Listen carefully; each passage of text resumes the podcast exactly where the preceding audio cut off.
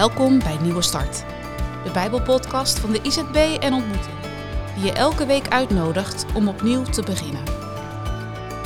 Soms kan het leven ingewikkeld zijn, maar je hoeft het niet alleen te doen. Deze week heeft Nico van Spunter een boodschap voor je. Waar mensen samenleven ontstaan regels. Dit is een onbetwistbaar feit. Zo hebben we bijvoorbeeld verkeersregels nodig om elkaar de ruimte te geven. Het werkt namelijk niet als je een te smalle straat van twee kanten binnenrijdt. Zo hebben we ook de tien geboden, de tien woorden van God. Deze geboden hebben alles te maken met de gedragscode tussen God en mens en mensen onderling. Die regels van God helpen ons. Ze zijn er voor de mensen, zodat we goed kunnen leven en niet andersom. Jezus heeft vaak een conflict met de wetsgeleerden die de regels voor de mensen stellen. We lezen daar vandaag over. Het is een stukje uit Marcus 3. Jezus ging weer naar de synagoge. Daar was ook een man met een vergroeide hand. De fariseërs, de wetsgeleerden, letten goed op Jezus. Ze dachten, als hij die man beter maakt op de Sabbat, kunnen we een klacht tegen hem indienen.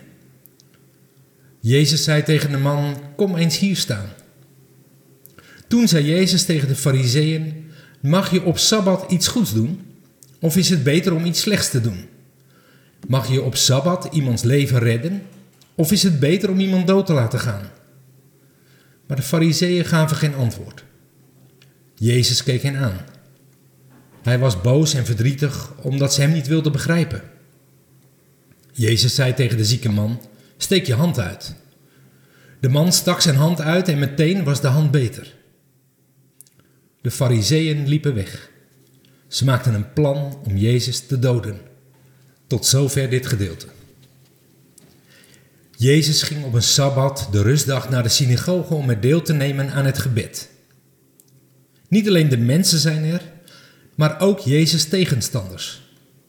Zij wachten op een verkeerde stap van Jezus. De sfeer is grimmig en is vijandig. Jezus zegt tegen de man met de verschrompelde hand: Kom in het midden staan. Mooi is dat. Niet de regels, maar een mens in het midden. Daar gaat het om. Daarop stelde Jezus de wetsgeleerden een vraag. Is het de bedoeling om op de Sabbat goed te doen of om kwaad te doen? Iemand te redden of iemand te doden? Voor Jezus is de man met zijn verlamde hand de voornaamste. De wet van de Sabbat, de rustdag, is daaraan ondergeschikt. Het is goed als wij ons afvragen wat het doel van Gods wetten zijn. Ze helpen ons om onze relatie met God en mensen om ons heen vorm te geven. Zo is de rustdag een dag van vrijheid voor de anderen en voor de ander.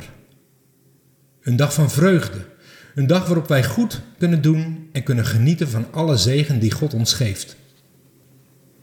Het is veelzeggend dat de wetsgeleerden zwijgen. Ze willen niet antwoorden op Jezus' vraag. Ze dachten nog wel dat ze God en het gelijk aan hun kant hadden. Jezus maakt zich kwaad om dit onbegrip, want het gaat hem om het leven van een mens. Wanneer mensen niet willen veranderen, hun ongelijk niet willen toegeven, hun hart verharden, maakt dat hem kwaad en nog meer bedroefd. Helaas een dramatische negatieve reactie. Ze trekken zich terug en sluiten zich op.